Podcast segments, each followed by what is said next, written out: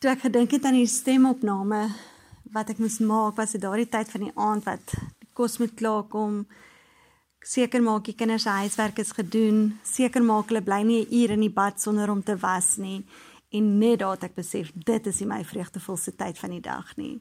Wanneer ek wel dink aan die woord vreugde, voel dit so deel van my DNA. Vreugde voel vir my soos daai ou sweetbakbroek wat ek aantrek as ek 'n middag by die huis gekom het na 'n lang dag by die werk, daai broek wat jou net nooit teleurstel nie. Vreugde voel net nog altyd deel van my lewe. Ek dink my vroegste herinneringe van vreugde was toe ek 'n klein dogtertjie was en regtig net vreugde en blydskap beleef het in my kinderjare. Ek kon onthou as ek 'n klein dogtertjie gesit het in die sonndagskoolklas en juffrou vir my gevra het, "Leonie, wat wat s'ie ding in die lewe wat jou die hartseerste maak?" En ek kan nog steeds onthou hoe ek gesukkel het om 'n antwoord vir haar te kry. En op die ouene mag gesê het wat my hartseer maak is wanneer my boetie se hamster my byt. En selfs nou nog as ek terugdink, is dit omtrent die ergste wat ek kan onthou van my kinderjare is toe my boetie se hamster my gebyt het. En hoe geseënd ek nie is dat dit wel my deel was nie. My hart bloei so vir mense wie nie so kinderjare gehad het nie. Wie se kinderjare gekenmerk was deur hartseer en trauma en wat soveel vreugde by hulle kom steel het en letsels gelaat het en daar's 'n gesegde wat sê dat die mooiste ding wat jy kan dra is 'n glimlag en ek stem heel hartig daarmee saam. Ek is nie lief daarvoor om gremering aan te sit nie. Ek is baie liewer daarvoor om in te lê in die bed en my tyd daarvoor te gebruik en so my vreugde te vind. Ehm um, maar tog maak ek seker dat wanneer ek by die huis uitstap, dat ek wel my glimlag aan het en laat dit 'n opregte glimlag is. Baie keer is 'n glimlag net aangeplak en 'n 'n front wat 'n mens voor hom, maar laat maar dit is so dat 'n glimlag regtig 'n opregte een moet wees. En ek moet bieg, hy is nie altyd opreg nie, maar as ek vind dat hy nie opreg is nie, maak ek vinnig seker dat hy wel so raak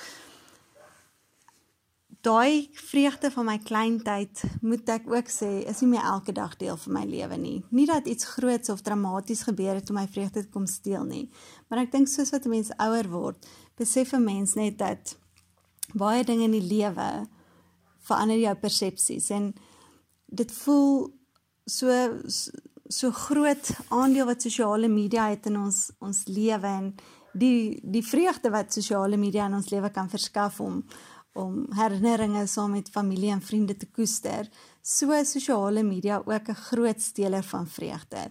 Ons as vrouens is so maklik geneig om onsself te vergelyk en te sien wat ander het en sleg te voel as ons dit nie het nie en toe te laat dat goeders wat nie ewigheidswaarde het nie ons vreugde steel want dinge wat ewigheidswaarde het, het nie die potensiaal om ons vreugde te steel nie. En ek ek het besef toe ek hierdie dagstukkies geskryf het oor vreugde laat vreugde op papier is alles goed en wel, maar dit is baie makliker gesê as gedaan en nou mate ek ouer geword het, moet ek kies om vreugde deel te maak van my lewe. Baie keer moet ek doelbewus sosiale media uitskakel uit my lewe uit om weer my identiteit in Christus te vind en wat hy oor my sê en hoe lyk vreugde prakties in my lewe? Hoe maak ek daai vreugde elke dag deel van my en baie keer gaan dit maar net om wanneer die die Satan kom met leuns van nie goed genoeg, nie mooi genoeg, nie maar genoeg nie, die beste genoeg nie, is om dit te vervang met wat sê God se woord oor my, want dit is die waarheid.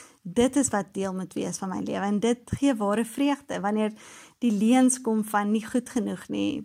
Moet ek gaan na wat sê God se woord van ek is wonderbaarlik gemaak. Hy het my gekies wanneer ek bekommerd is vir my kinders, moet ek weet dat nie toelaat dat dit my vreugde steel nie, maar weet dat dat die dat die Vader hulle onder sy vlerke beskerm soos 'n hen haar kykens beskerm en daardie my deel maak en daardie my vreugde maak.